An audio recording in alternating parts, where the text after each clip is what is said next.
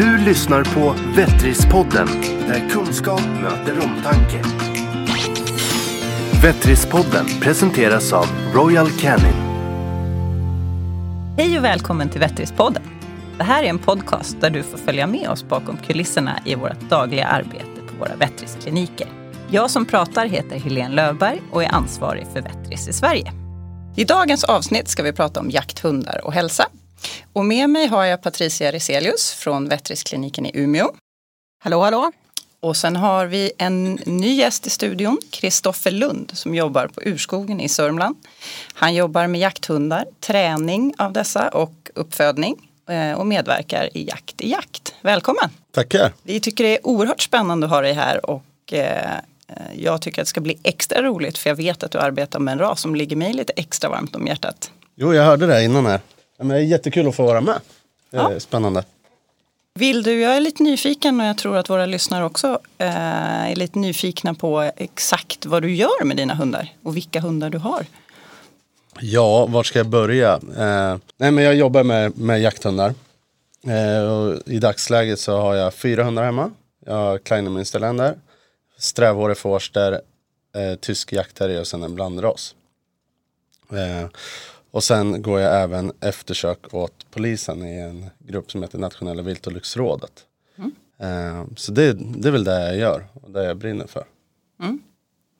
Ehm, skulle du säga att du jobbar mest med dina hundar i träning eller faktiskt i skarpläge, det vill säga jakt eller de eftersöken du pratar om? Ja, jag försöker att ligga på det här planet att jag tränar mer med dem än vad jag jagar med dem. Eh, men sen så blir det ju nu, eftersom att jag håller på och går eftersök, eh, trafikeftersök, så blir det ju att eh, extremt mycket praktisk jakt. Eller skarpa lägen då. Eh, och vilken typ av jakt är det du gör med dina hundar? Eh, jag gör all, all form av, av jakt med mina hundar i princip. Allt från eh, grytjakt, minkjakt till eh, fågeljakt till eh, klövviltsjakt. Vad skulle du säga, själv säga är mest krävande för hunden fysiskt? Fysiskt sett eh, så skulle jag nog säga, alltså fysiskt sett tycker jag inte att det kräver speciellt mycket av hunden. Därför jag bromsar mina hundar när det är stopp. Eh, det är klart att vissa typer av former, eh, alltså klövviltsjakten till exempel, kräver mer än ett spårarbete. Men jag tycker mer att det kräver mentalt än vad det krävs fysiskt. Sen kan jag aldrig någonsin träna upp mina hundar fysiskt sett så jag matchar när de jagar. Men jag försöker att göra det i alla fall. Eh, Patricia, du sitter ju på, på andra sidan i och med att du arbetar på veterinärklinik. Och just uppe i Umeå är det, finns det ju ganska mycket jakthundar. Ja, Eh, vad skulle du säga, får du in mycket jakthundar hos dig eh, som har blivit skadade i, just i jakt? Eh, ja, absolut. Jakthundar och jaktfolk är ju absolut de vanligaste av våra kunder kan jag säga. Eh, jag har jobbat med jakthundar och eh, personer som håller på med jakt i många, många år. Och jakthundar, Eh, förutom alla vanligaste sjukdomar som kan drabba vem som helst, för det drabbar ju även, även dem som individer, så är det vanligaste som jag just kan koppla till jakt, det är ju traumatiska historier som vi kan få in framför allt. Det kan vara till exempel ja, rivsår, bitsår. Då kan man se till exempel från grävlingar och grythundar. Ibland lo-skador. Eh, Eh, vi kan se eh, trauman som sparkar av älg till exempel. Eh, drunkningsolyckor. Trafikskador är ganska vanligt att de kommer i vägen för tåg eller bilar i samband med jakt. Jag har varit med om skottskador, både som hagel och rikoschetter av eh, älgstudsare. Eh, olika eh, senskador, någonting som heter spinatus kontrakturer till exempel, ser jag lite då och då av jakthundar. Stakningsskador. Eh, jag ser lite, som vi kanske återkommer till, eh, luftvägsbekymmer. Det finns något som heter jakthundsödem till exempel som kan dyka upp.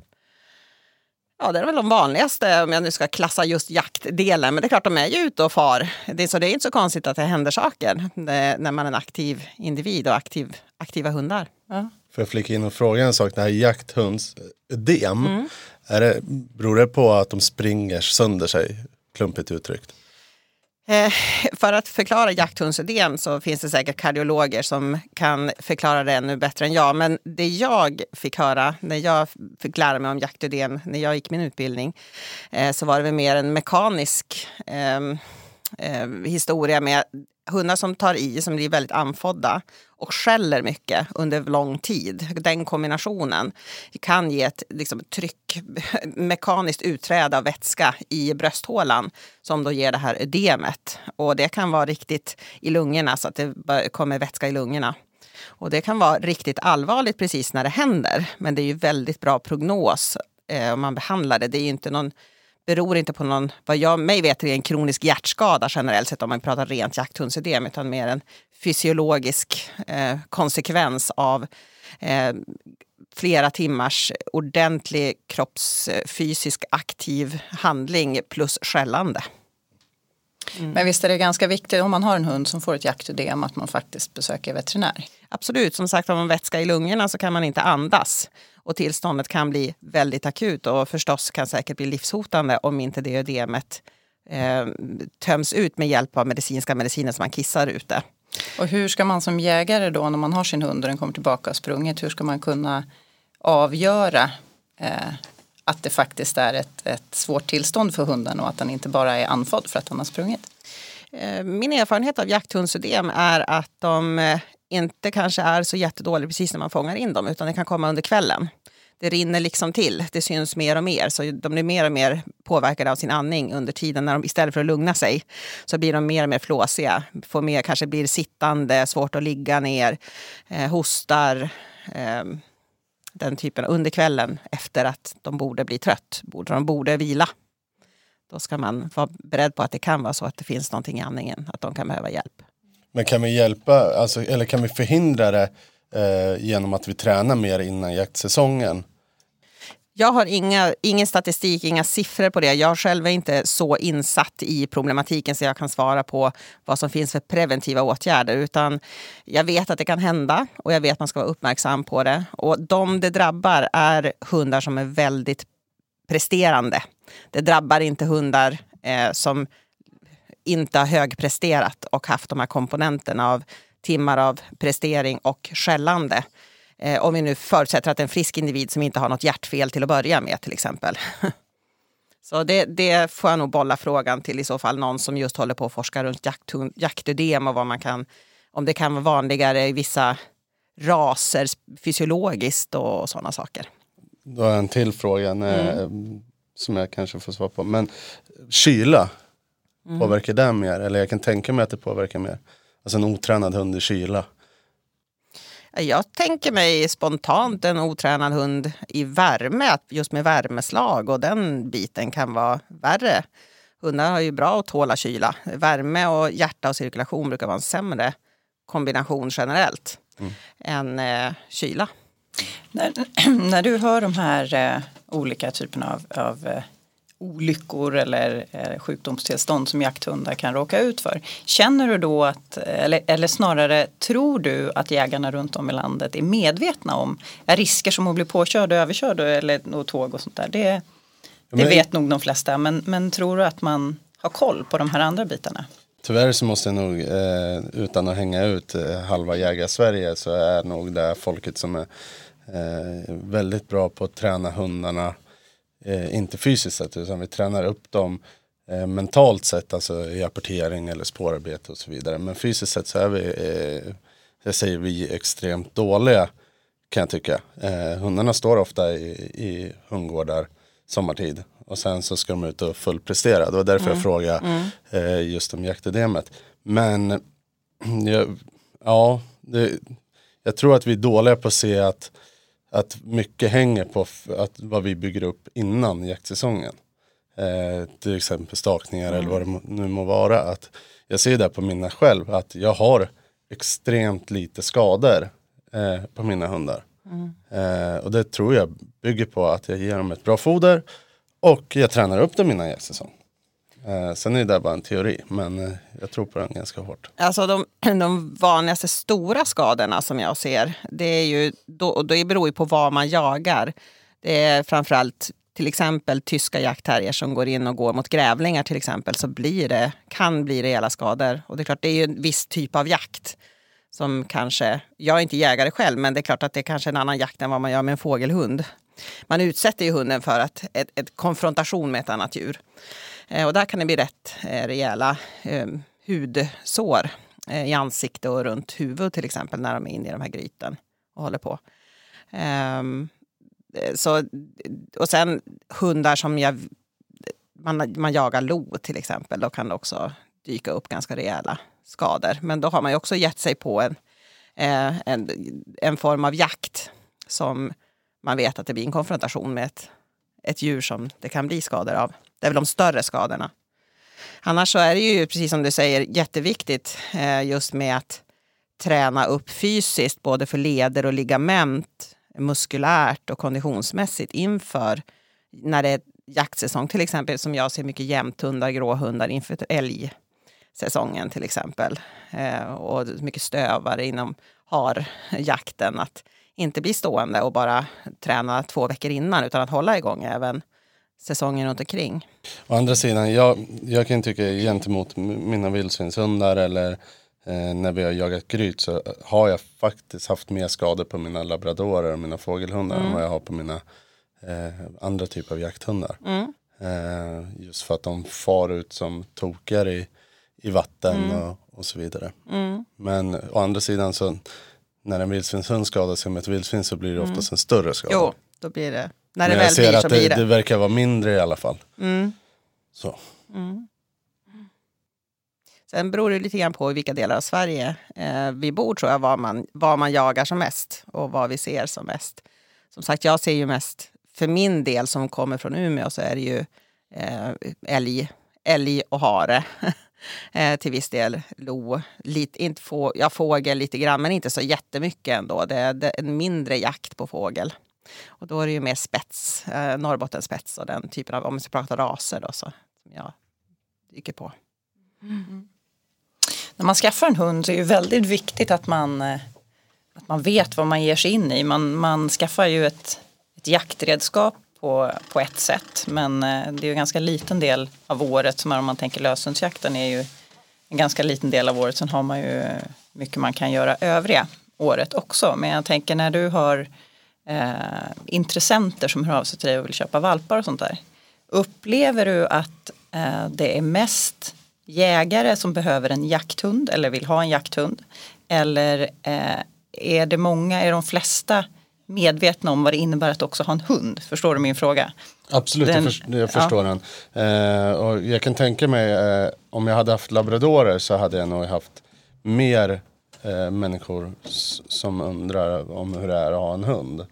Eh, men nu är vi så nischade just på Kleine Münsterländer, tysk jaktterrier och, och Laika. Och då är det inte så många som inte vet vad det är innan de köper det.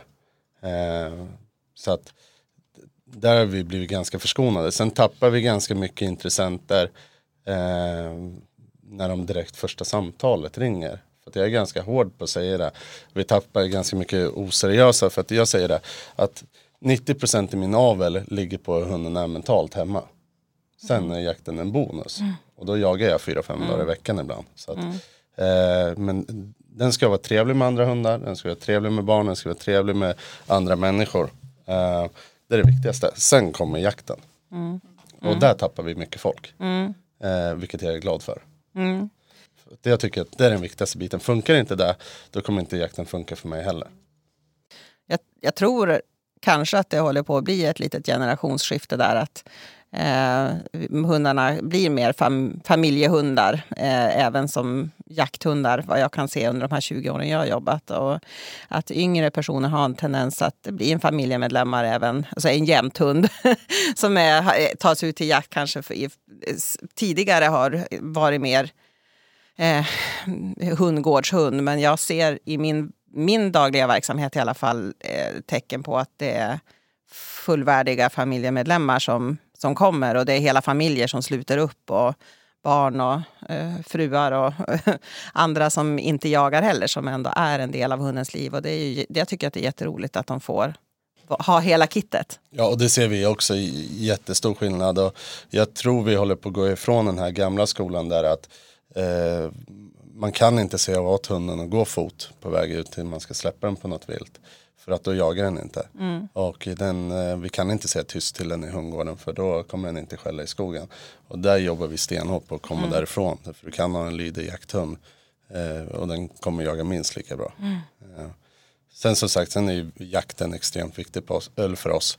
Mm. Vi avlar ju inte på en, på en jakthund som inte jagar. Men det viktigaste är att den är bra mentalt. Mm. Förut var det ju mer att Jo men den är svensk jaktchampion men den har huggit fyra människor men det spelar ingen roll vi avlar på den. Den är bra jakthund. Mm. Och jag hoppas att vi kommer därifrån. Jo, en, en, apropå skällande eh, så är det nå- en ganska vanligt eh, återkommande problem som jag ser det här med att de tappar rösten och får problem med, med skällandet. Och där brukar jag försöka vara noga med att poängtera just det att, att eh, se hur mycket den skäller hemma. För har man en stående i en, då in, eh, någonstans där den står och skäller hela dagarna så det är klart man har inte en optimal röst när man ändå då ska ut och jaga. Utan eh, då, då har man den kanske i, i ett felaktigt försöka ha ett bättre system där den inte ska stå och skälla hela dagarna. För som du säger, det går liksom inte att bara säga att den ska vara tyst. Eh, och det finns en fysiologisk begränsning i stämband och allting. Eh, så då får man kanske ta in den mer. Man får ha den mer i situationer där den inte ska stå timma ut och timma in och skälla rakt ut i luften. Ja de måste ju hålla. få vila också. Precis som vi. Skulle Ja. jag stå och skrika Ja, hela dagarna så precis. skulle jag också tappa rösten. Förut har det ju varit att man har skyllt det på ja, men det är nog infektioner, det är tonsillerna. Fast många gånger om man tittar, tittar hemma så finns det eh, komponenter som mycket väl kan göra att de tappar rösten av helt andra skäl. Att det inte alls är infektioner utan mer ett handhavande som kan bli bättre. Kristoffer, har du varit med om någon gång några skottskador eller sådana traumatiska skador med dina hundar? Skottskador har jag aldrig varit med om. Nej. Eh, Peppar peppar. Och då som sagt jag har ett gäng jaktdagar om året. Och, eh, jag träffar extremt mycket jakthundar. Och där har jag varit väldigt förskonad. Jag har ju hört om det av kompisar och så vidare. Men jag har aldrig varit med om det själv. Eh, och under alla år så har jag bara varit med om en hund som har blivit ordentligt vildsvinssprättad. Eh, och där kan man ju fråga sig vad det beror på. Men det, det var ju en trend här för ett tag sedan att vi jagar med ställande hundar i väldigt viltrika marker. Ehm, och den trenden börjar väl försvinna och därav tror jag också att, att vi kommer få mindre skador på hundarna. Ehm, för att vildsvinen lär ju sig också eh, att ju tuffare hundarna är, de lär sig att hundarna är tuffa, då blir de tuffare till slut. Eh, men sen har jag varit med om eh, påkörda hundar. Eh, och det är väl det jag ser som det största problemet. Och det är inte eh, jägarnas eller jakthundarnas fel att de blir påkörda. För det spelar ingen roll hur mycket grejer vi ställer upp på vägen. Vi kan ställa en, en hel lastbil mitt i vägen. Folk kommer köra lika fort ändå. För det står 70 på vägen. Eh, så att trafiken är väl där jag ser som största problemet. Eh, Kan du se någon skillnad på svenska jägare jämfört med utländska jägare som kommer till Sverige? För jag har hört en del som eh, kommenterar eh, och visar en viss oro när det kommer in utländska jägare, framför allt på, med, på fågelhundssidan tänker jag, som kommer upp till norra Sverige och som liksom köper in sig i jaktsituationer eh, och att det finns en helt annan, eh, vad ska jag säga, förväntan på hundarna och en helt annan behandling av hundarna. Eh, apropå skottskador och, och, och skador generellt. Ett, ett annat sätt att se på sina jakthundar än vad vi i Sverige har. Jo men det var så för kanske 5-10 år sedan. Då tyckte jag att det var värre att ha utländska jägare. Eh, för där är det mer ett redskap än, än en jaktkompis. Eh, men det tycker jag börjar bli mycket bättre där också. Eh, så jag, är inte, jag är inte orolig för att mina hundar ska bli skjutna faktiskt. Nej, Eh, och jag tycker att det, det, det ligger faktiskt på oss på morgonsamlingen och talar om för att det skjuts inga hundar på våra jakter, punkt slut. Gör det där så kommer, kommer vi böta 75 000 till exempel. Och det är, visst, det är inga pengar men det får ju ändå en liten väckarklocka innan vi går ut på jakten. Eh, så jag tycker det ligger på oss som jaktarrangörer att säga till folk på morgonen och vara observanta och våga säga till att smäller det nära en hund då går vi dit och säger till dem du kan bryta bussen och åka hem. Mhm. Ja. Eh, Så jag tycker vi får shapea upp lite, det, det, det är faktiskt vårat fel i så fall. Mm. Ja, intressant. Väldigt bra input skulle jag säga. Jag tror att det är eh, tyvärr, nu är det ju inte det är inte jättemånga hundar som skjuts, det ska man inte säga, men det händer Nej, det händer. absolut. Eh, men jag tror att, jag har också varit runt på en del jakter. Eh, jag har nog inte varit med om att man faktiskt eh, uttrycker sig så på morgonsamlingen. Jag tror att det är, det är någon oerhört bra poäng faktiskt. Nej, Jag vet bara kollegor som jobbar längre. Jag har jobbat uppe i Luleå eh, tidigare och där fick jag in väldigt mycket skottskador. Och det var väldigt mycket utländska hundar och det var rejäla skottskador. Och jag, jag har hört alltså av de sådana här jaktlagsmänniskor eh, från andra länder. Eh, och jag har hört eh, lite oroväckande historier av kollegor där man har sett, kanske känt en trend. Att det finns ett annat sätt att se på hundarna. Där det kanske jag- inte är riktigt samma säkerhetstänk som det finns i Sverige. Jag tror inte det beror på säkerhetstänk överhuvudtaget. Jag tror på att de inte är van vid vår jaktform. De är inte vana med att en hund ligger 10 cm bakom rumpan på en älg. Eh, ja, eller på ett vildsvin. Vildsvinet kommer ut, pang så skjuter de och så låg hunden bakom. Eller på andra sidan vildsvinet. Jag tror det är mer där det hänger på än att de vill eller skiter i våra hundar. Eh, faktiskt. Jo, huvudsaken vi får upp en dialog och att eh, just eh, de som arrangerar resorna är, är, kanske måste informera tydligare och vara med i det som händer. Så att det blir bra för alla. Jag, jag brukar ibland även som hundförare faktiskt när jag går i skogen om jag vet att hunden är nära då kan jag säga det. Nu är det ett drev och hunden är nära. Ja, men det, den har jag sagt många gånger. Jag, jag, jag som har tysk terrier som väger fem kilo så brukar jag säga att hon kan vara över, under, bakom, överallt framför.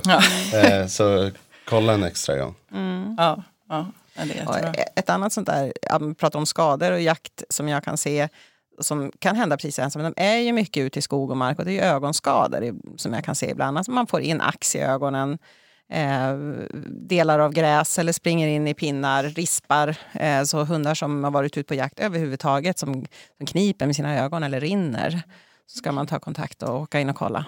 Ja, på tal om sånt där, det vi faktiskt också skulle kunna slå ett slag för det är ju det finns ju en eh, uppsjö med diverse olika säkerhetsvästar som man kan ha på sin hund. Och det är ju mycket för varg och vildsvin men även faktiskt pinnar och Stakningar. stakningar och den typen av skador. Och eh, jag ska inte säga alla men i alla fall väldigt många av försäkringsbolagen eh, subventionerar eller tar bort självrisken helt och hållet om du har haft väst på din hund när du jagar i skogen. För att de inser ju att skadorna är många. Eh, Eh, men som sagt, det finns många modeller man kan prova sig igenom. Ja, och med det sagt så är det, det nu låter det som att eh, vi, får jag en känsla av att vi kan vinkla som att det är hemskt med jakthundar och skador. Jag tycker att det är jätteroligt att eh, jakthundar är ute och jagar och gör det de vill göra. Och att de används på det sätt som de är avlade för att vilja göra. Och, och att man har roligt med sin hund och har, känner det där kompiskapet och teamworken ute i skogen. Det, det viktiga är just att tänka på att de blir- utsätts lite för extra påfrestning och ta de hjälpmedel som finns för att man ska hålla sig frisk. Ja, man kan förebygga mycket förebygga. genom en medvetenhet Ja, av absolut. risker. Och sen tycker jag att, att jag tycker generellt på hundar så är det väl bättre att de får ut i skogen och springa och göra Absolut. där de ska. än att jag tycker mer synd om en hund som ligger på soffan Ja, ja, hela ja. dagarna. Eh, än vad en hund som faktiskt får ut och göra där den tycker det är jävligt kul. Mm, ut och Och, sen, ut i skog och mark. och det går ju Ja, nej, men du har helt rätt. Patricia. Vi, det är inte, vi sitter ju inte här som några motståndare. Nej, nej, jag nej, jagar nej. ju själv som sagt Ja, och precis. tycker det är fantastiskt. Mer att, vikten av att det, man tjänar på att tänka preventivt och eh, jobba som inom, med, med friskvårdstänket redan innan. För det tjänar man på i skaderisken när man håller på. Det är väl egentligen det, att belysa det. Mm, absolut. Hur tänker du när du, eh, eh, när du jagar med dina hundar? Eh, säg en, en vanlig jaktdag, du kliver upp på morgonen. Eh, Ja, jag brukar ju starta dagen med att jag ger dem ett eh, litet målmat. Eh, men mycket vätska. Jag har blivit betydligt bättre på att vätska upp mina hundar. Jag har en hund som nu är pensionerad. Som faktiskt varit påkörd här för ett år sedan på ett eftersök. Han, ja, nu vet inte, ni får väl rätta mig eftersom jag inte är veterinär.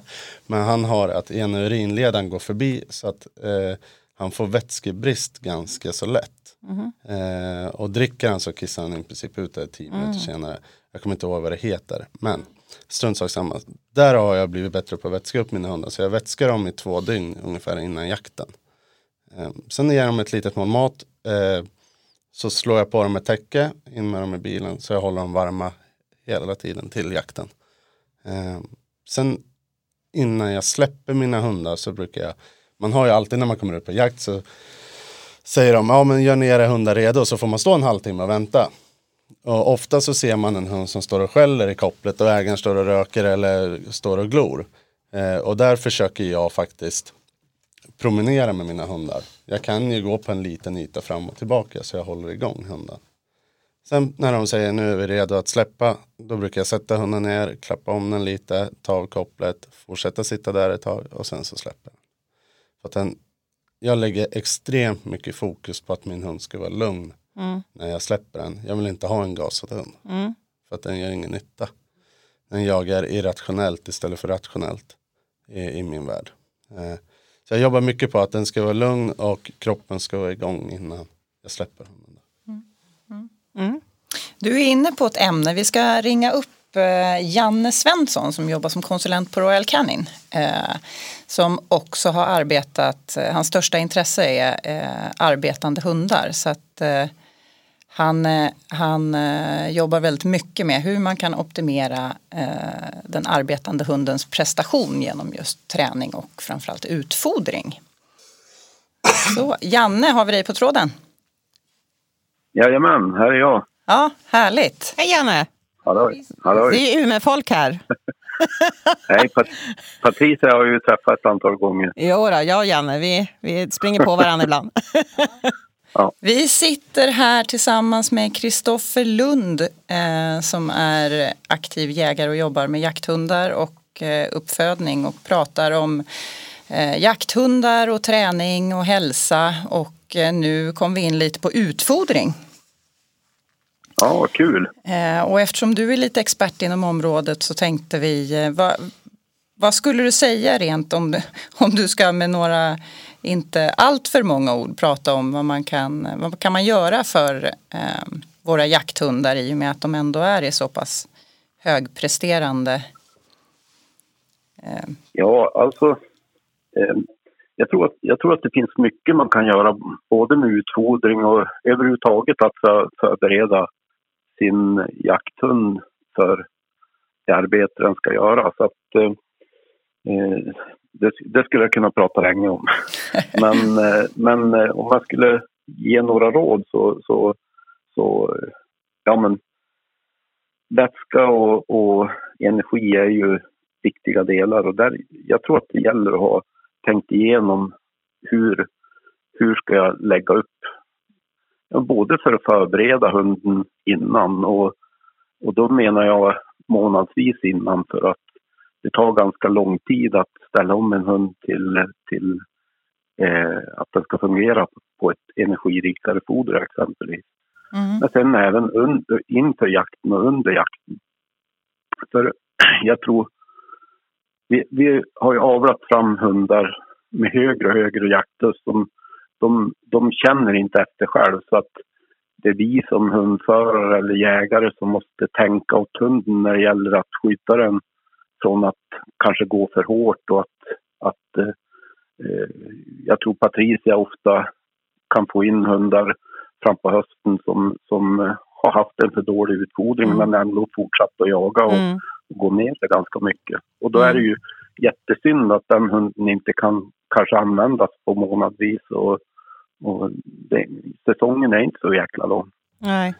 Men eh, eh, jag, jag, tror mycket av eh, våra jakthundar så, så jag tycker det har blivit bättre med utfodringen. Men, men, och jag tror att det vanligaste är inte att hunden blir trött, i sig, alltså att den tappar energin i musklerna, att den inte orkar muskulärt göra sitt jobb. Utan det vanligaste tror jag att hunden blir trött i skallen och då, då kan det uppstå situationer där, där om, den, eh, om man säger att den, den har inte huvudet med sig så, så har den mycket lättare för att råka ut för saker. Det kan vara en älg som gör en, ett blixtutfall och så hinner den inte reagera och så blir den sparkad. Kanske hade den haft skallen med sig så, så hade den hunnit reagera. Mm. Och där kan man faktiskt eh, eh, hjälpa den med genom att ja, men hjärnan den, den eh, använder sig av, av eh, kolhydrater som energi. Och jag brukar alltid, mina fågelhundar, jag har eh, pointrar själv som jag jagar på fjället med och, och där kan man se när de blir trött i skallen. Det kanske inte är största risken är inte skador. Ja, men visst, de kan trampa snett och så, men, men det är ju att de missar fågel och och där är det ju ofta så att ja, det blir tomstånd och så vidare när de blir trött i skallen. Och Mm. då brukar jag alltid, jag, jag vätskar dem ju under hela dagen kan man säga och ha en flaska med mig och då fyller jag på med någon typ av utav, eh, lättsmält kolhydrat som inte är alltför snabb ändå. Det ska inte vara druvsocker eller något sånt utan helst någon form av vätskeersättning med maltodextrin där, eh, där det kan, det hjälper ju hunden att, att behålla skärpan i skallen och se att hunden klarar sig under en hel jaktdag på ett helt annat sätt än om jag, inte, om jag bara tillför vatten. Mm. Jo, vätskeersättning är någonting som jag ofta känner att det finns ett behov av bland jakthundar. Jag tänker mest inom våra, eh, på breddgraderna där uppe. På jaktsäsongen på älg under höstarna kan vara riktigt varma och det blir långa dagar. Eh, Så just vätskeersättning kan vara en jätteviktig del i rutinen för de som är igång en hel dag. Ja, absolut. Sen tror jag just det här, det finns de som fortfarande tycker att hungriga hundar jagar bäst och att man inte ska utfodra dem på morgonen. Och jag kan hålla med om att man ska inte ge ett, ett stort fod, eh, mål med, med torrfoder på morgonen. Jag brukar, själv brukar jag, ja men man koncentrerar sig först och främst på vätskan men också någonting som är lättsmält i det här morgonmålet. Någon ett par timmar innan man ska ut.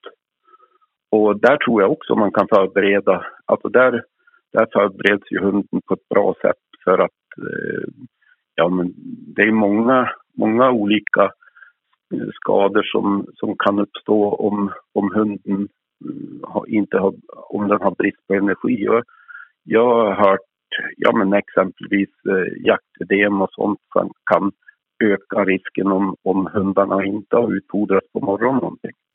Så Ja, att, eh, jag brukar varna för att ge åtminstone inte stora mål. Det finns, vi ser magomvridningar på jämthundar varje år eh, och det kan vara eh, klart, eh, kom, en klar kombination av för stor mängd mat i magsäcken med den extrema aktivitet som de utsätts för. Så inga stora portioner i alla fall. Nej, brukar jag men- varna men för samtidigt- framför allt. Samtidigt inte eh, att man inte ger någonting alls för det tror jag också ökar risken eh, Mm. även för magomvridning. Så det, det är en balansgång där Mm. men, men jag tror ett, ett lättsmält mål som, som hunden gillar och så som man får i dem vätska också.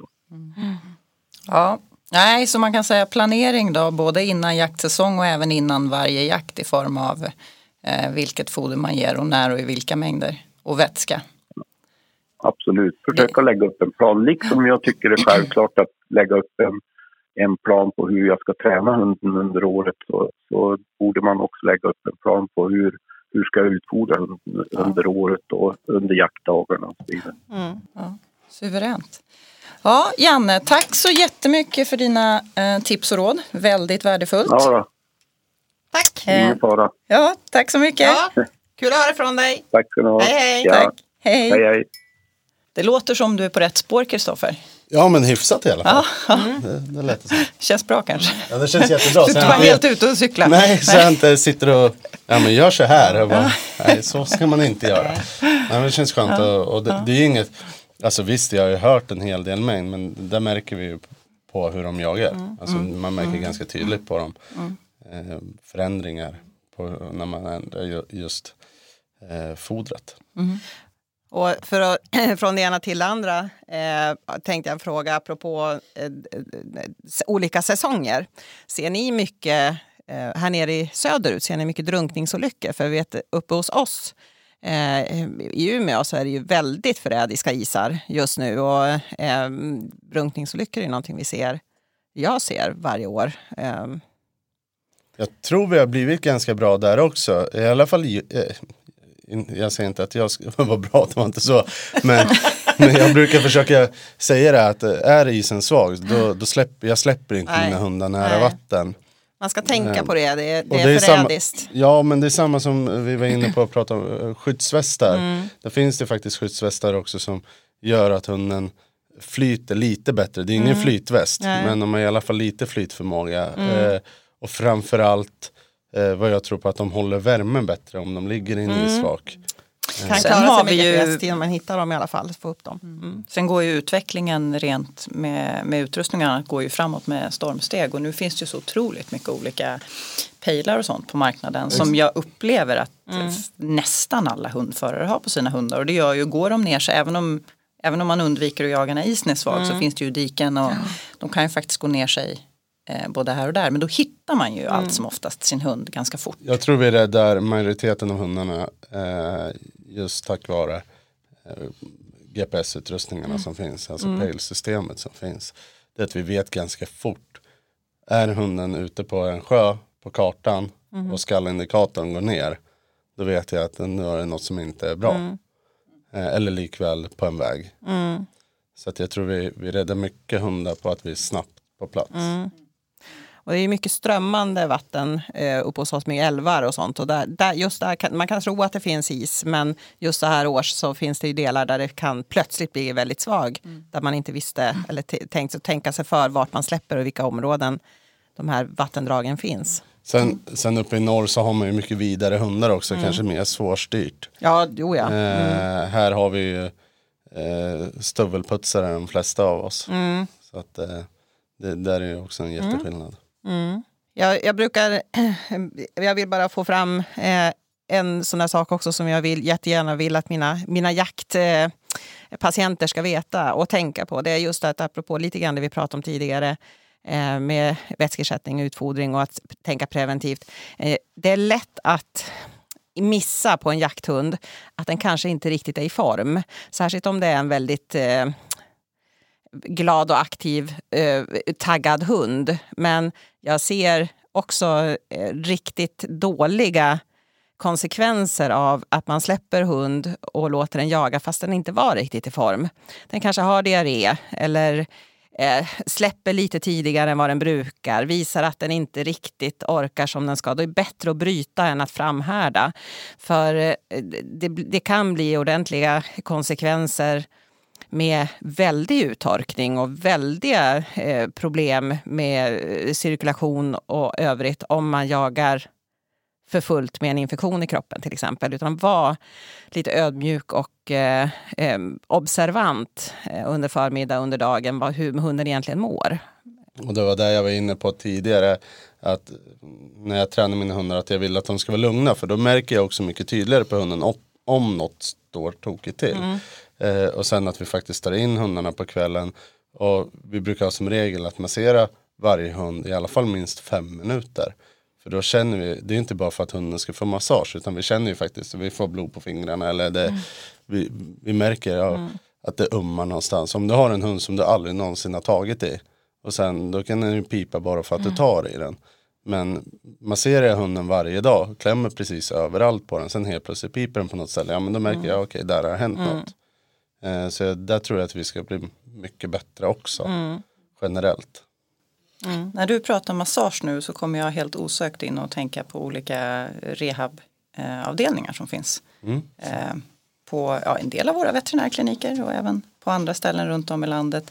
Där kan man ju faktiskt ja, dels gå eh, och få eh, ge hund till mass eller massage till hunden. Eh, man kan ju också träna en hund som har varit lite ur form eller lite halt. Eh, för att träna upp muskulaturen. Man kan ju också träna i sån här eh, vattentraska, träna rent förebyggande muskelmässigt. Om man har svårt att eh, eh kanske träna sin hund rent fysiskt under icke pågående jaktsäsong så är det ett eh, suverän plats att, att faktiskt vara på. Mm. Och där har vi varit inne, jag måste flika in där, för där har vi varit inne också på att, att man kanske skulle upplysa jägarna mer om att man åker och kör treadmill och man åker och kör på löpan. Mm. Inte för att bygga upp hunden utan just för att eh, få hunden att ligga i kondition Mm. året om. Och där är, på ett löpan är det mycket lättare att se om hunden är halt Mm. än om någon går med den. Eh, Absolut. Och det har, inte i mitt fall, det har inte att göra med att jag vill eh, att jag är slö, att jag inte orkar gå ut med hunden. Jag tycker det är fantastiskt att kunna åka och träna så.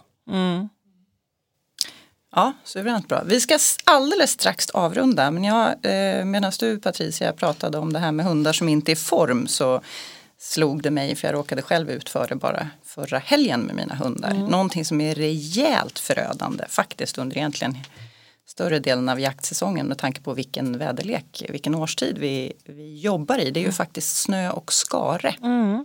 Eh, det kan gå enormt fort för trampdynorna att ta stryk. Ja. Ehm, jag kanske ska ställa frågan till båda två egentligen. Kan man, kan man som jägare eller som hundförare göra någonting för sin hund innan? Man måste ju absolut vara uppmärksam medan man jagar och sluta jaga med sin hund om man ser att trampdynorna tar stryk eh, och fundera på hur snön, vilken typ av snö man har, om det är mycket kristaller. Men Ja, Jag, jag jagar ju som sagt inte själv, men jag har ju sköterskor som jagar. Och jag hör ju när de pratar om sina, det är framförallt jämthundar med älgjakt, att det, det finns ju dagar när de ställer in.